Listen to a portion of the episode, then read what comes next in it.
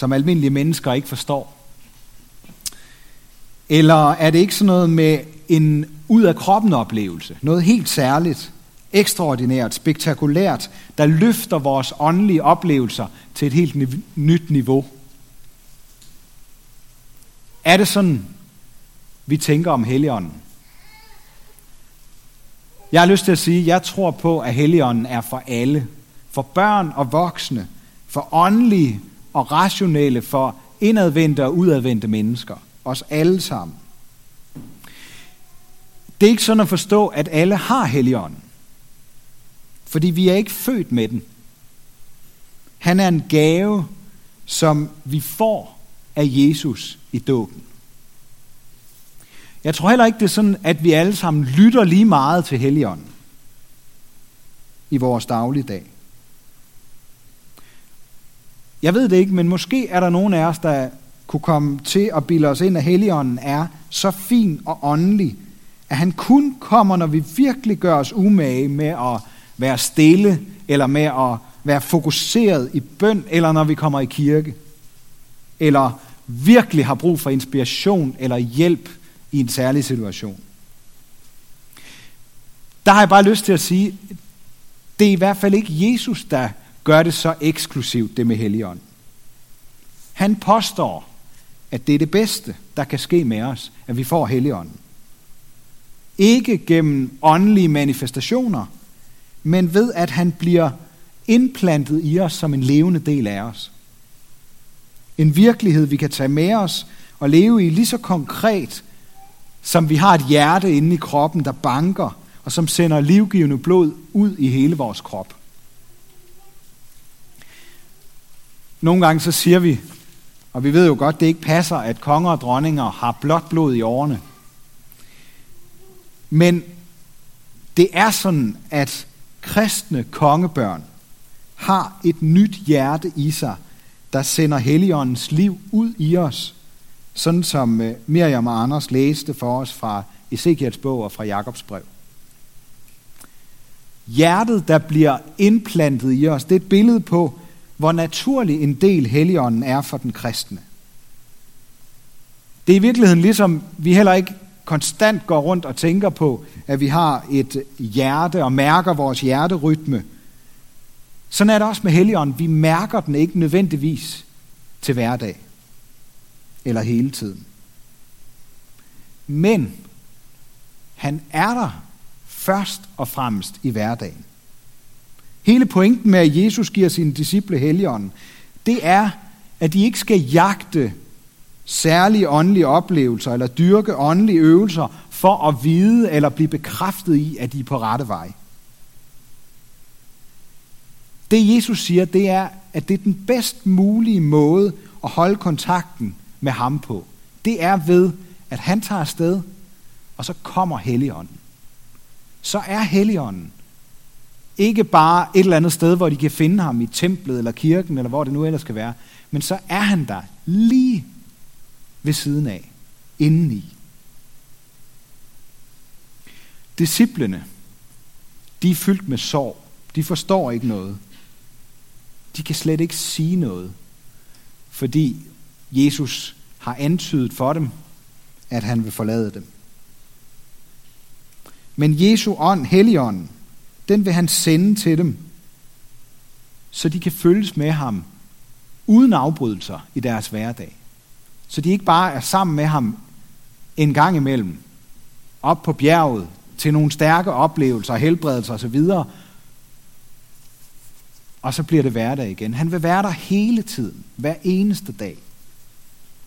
Når vi sukker efter og længes efter at opleve noget særligt, så tror jeg ofte, at der sker det, at vi overser hverdagen.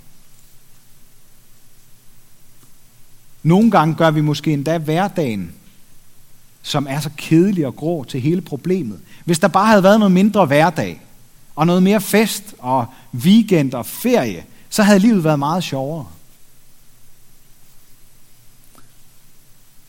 Min kone Frida, som jeg har fået lov til at dele hverdag med i 20 år, hun har sagt det ret godt. Tirsdag skal også være en god dag. Det nytter ikke noget, hvis vi kun kan trække vejret i verden, hvis vi kun kan trække vejret i weekender og ferier, og hverdagen bare er noget, vi skal overleve. Og på samme måde kan det let blive for os med Helligånden. Vi sukker og længes efter at opleve noget særligt med Gud, mens vi ser på den daglige bøn, måske med et ord fra Bibelen, som kedelig og grå. Der forventer vi os ikke noget, for det er jo bare hverdag. Vi gør nogle gange, tror jeg, hverdagen og gentagelsen til problemet. Og så søger vi at længes efter et eller andet andet. Den der stærke oplevelse. Og det underlige, det er, at jeg tror nogle gange, vi forventer tingene på hovedet. Vi tænker igen meget fromt og åndeligt og religiøst. Hvis jeg bare får styr på det der, hvis jeg bare finder ind til kernen i, hvad bøn er, hvis jeg, hvis jeg får lært Bibelen rigtig godt at kende og bruger den, sådan som jeg drømmer om, at jeg kunne have lyst til. Eller, eller hvis, jeg, hvis jeg bliver et bedre menneske, så kommer oplevelserne. Så bliver det stærkt, og så bliver det ekstraordinært. Så bliver det noget helt særligt. Så får jeg måske helligånden og får nogle oplevelser. Vi vender det på hovedet. Fordi vi hørte fra Jakobs brev, at alle gode og fuldkommende gaver, de kommer ned ovenfra. Det vil sige, det er ikke noget, vi kan plukke ned ved vores anstrengelser.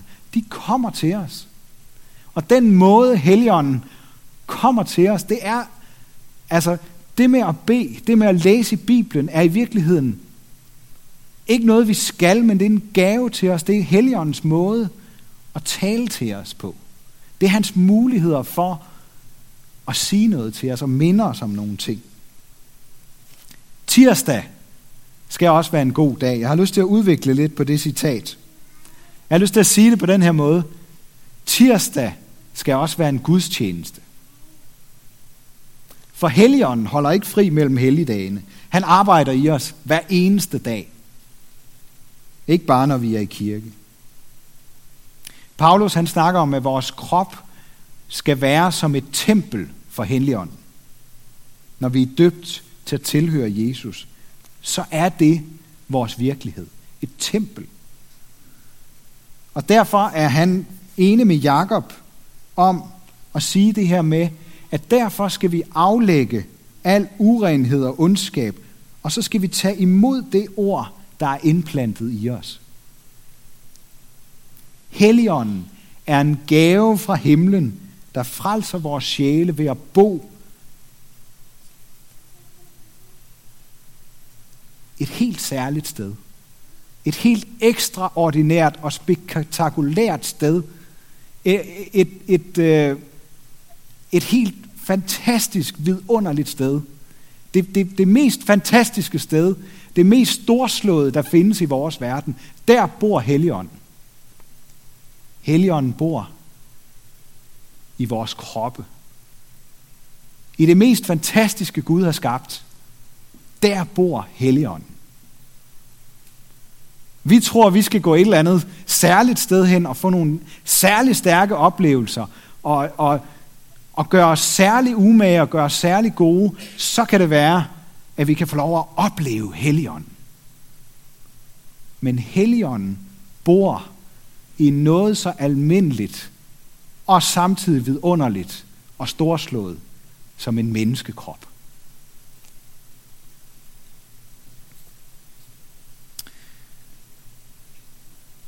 Helligånden bor i vores kroppe. Og så giver han os ord. Og det er derfor, vi skal forstå det her med, at det med bøn og det med at læse Bibelen, det med at komme i kirke, det med at snakke om de vigtige ting i livet og tro og så videre, det er ikke noget, vi skal. Det er noget, Helligånden giver til os som en gave. Det er vores mulighed for at få ord fra Helligånden i vores hverdag. Helt almindelige ord. For eksempel til opmundring – hvis vi for eksempel føler os som dårlige kristne. Dårlige kristne. Der findes ikke dårlige kristne. Er du døbt til at tilhøre Jesus, så gør han dig lige så hellig, som han selv er. Og hvis der er nogen andre, der prøver at tage det fra dig, så send dem videre til Jesus. For der findes ikke dårlige kristne. Jesu ånd, Helligånden, er din advokat. Og han vil argumentere imod, at der findes dårlige kristne. Okay, der findes dårlige beslutninger. Dem er vi gode til. Men det gør os altså ikke til dårlige mennesker. Det gør os i virkeligheden bare til mennesker. Jesus bruger et ord, en talsmand. Det er i virkeligheden det samme som en advokat. En, der vil tale vores sag. Og øh, så kan man få det her billede af, at vi er i en retssal sammen med Gud. Og det, det åbner det jo lidt for, når, når Jesus bruger sådan et billede med en advokat eller en talsmand.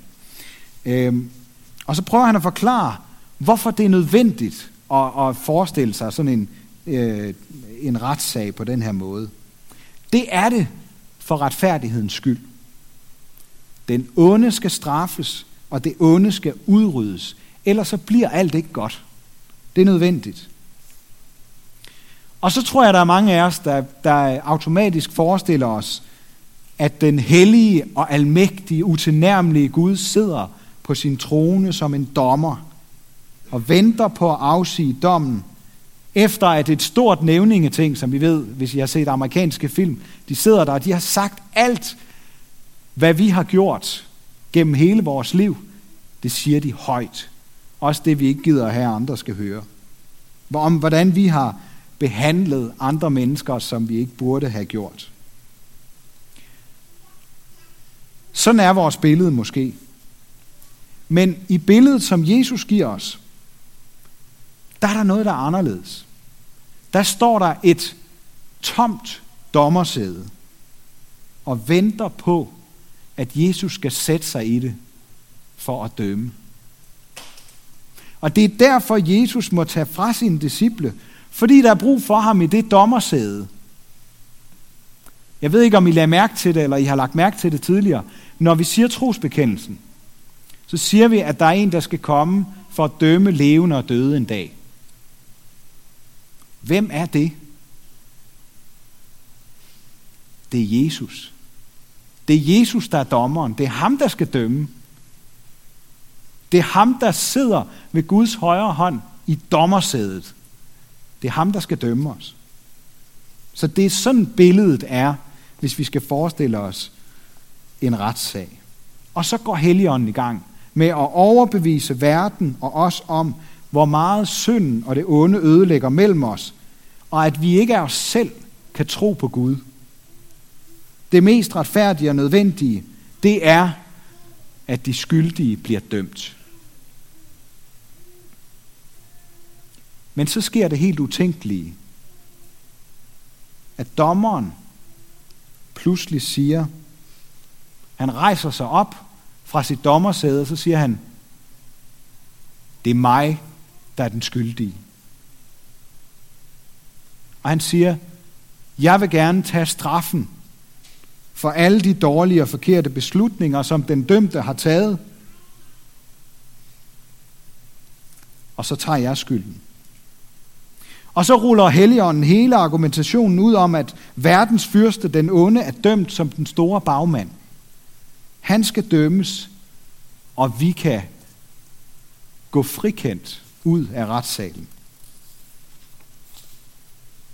Det er Helligåndens fornemmeste opgave at tale vores sag og frikender os på grund af det, som Jesus har gjort for vores skyld, da han døde i stedet for os på korset. Det er, hvad disciplene får at vide af Jesus på det her tidspunkt. Men han har mere at fortælle dem. Og det han mere vil sige til dem, det vil, vil han sige gennem Helligånden. Og så er det værd at bemærke, at Helligånden finder ikke selv på en masse, sådan som vi nogle gange kan få nogle indfald, eller føle, at der kun er én ting, der er rigtigt at gøre.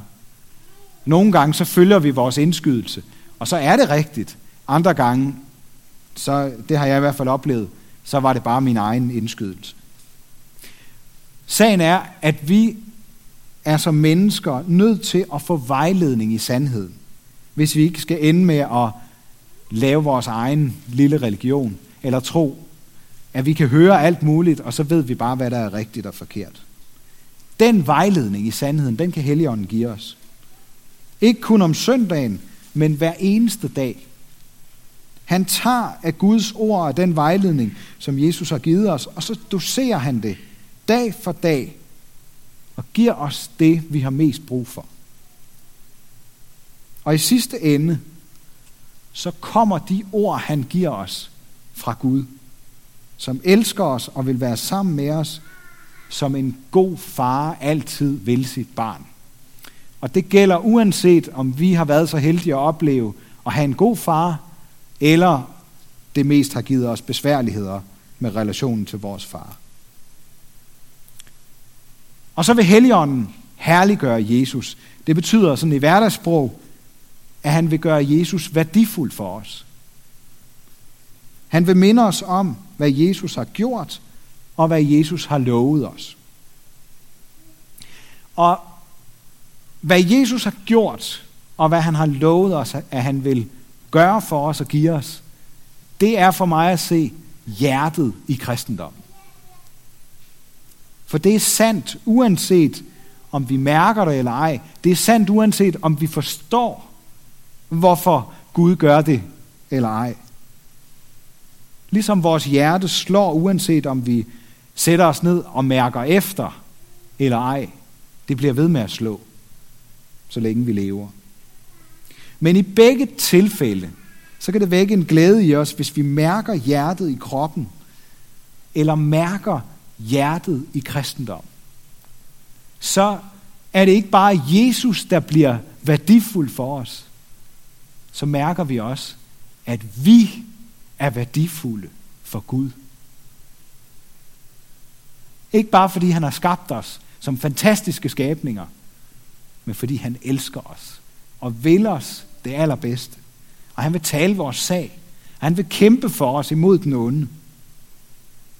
Helligåndens fornemmeste opgave, det er at minde os om hjertet.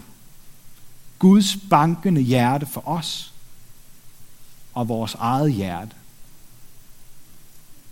Og hvis vi lader Guds ord virke i os, så giver vi Helligånden noget at arbejde med. Det er i virkeligheden lidt ligesom en advokat bedst kan forsvare en, han kender noget til, og som fortæller alt om sig selv til ham. Ellers så kan det være svært at tale en anden sag, hvis man ikke kender vedkommende. Så vi må sige alt. Det er godt for os, hvis vi siger alt til Helligånden.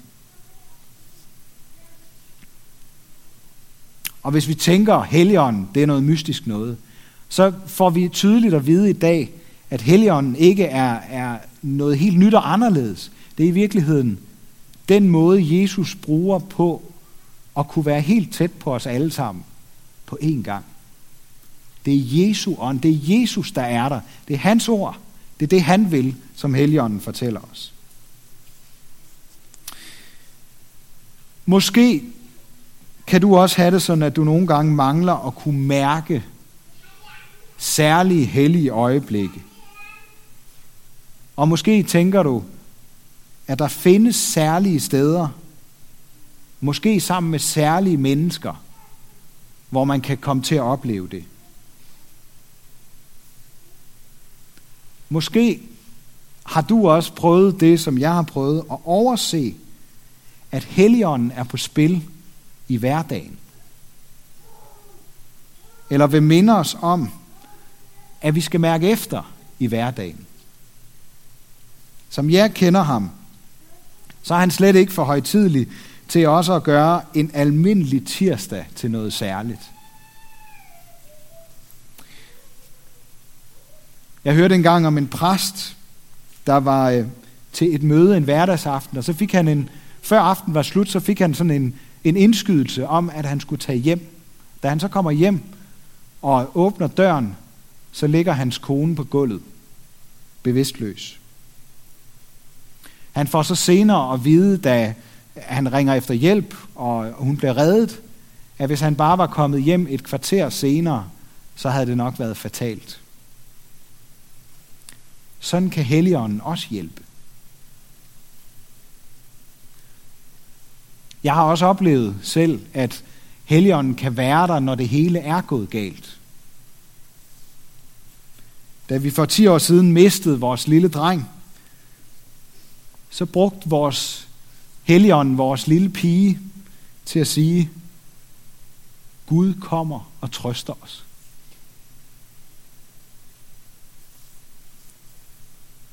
Jeg ved ikke, hvor hun havde det fra. Eller så ved jeg det måske godt alligevel. Jeg har i hvert fald aldrig glemt de ord. Og Gud har aldrig glemt os, selvom vi nogle gange kan have den følelse.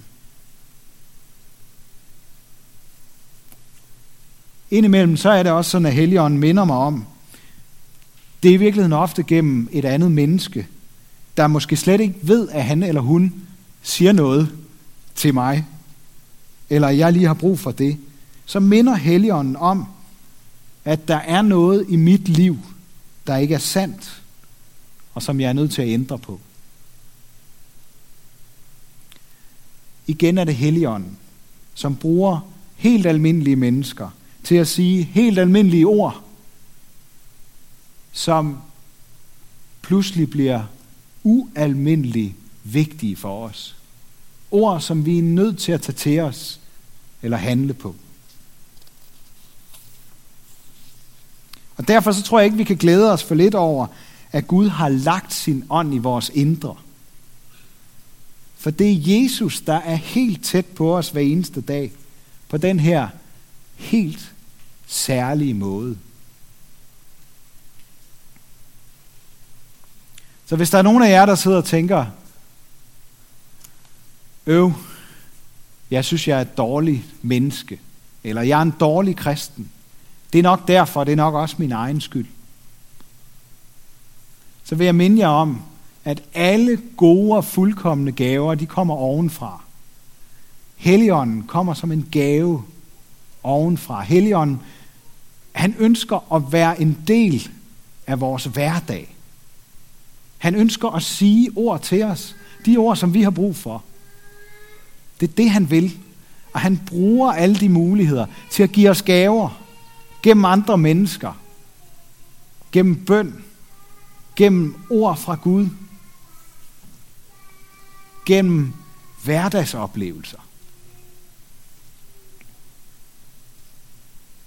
Skal vi ikke hjælpe hinanden med, at Helligånden må blive stor for os på den her måde? Ære være Gud, vores far, der har skabt os i sit billede. Ære være Guds søn, der tog vores straf, så vi kan slippe fri. Ære være Helligånden, ham der gør Guds kærlighed levende for os.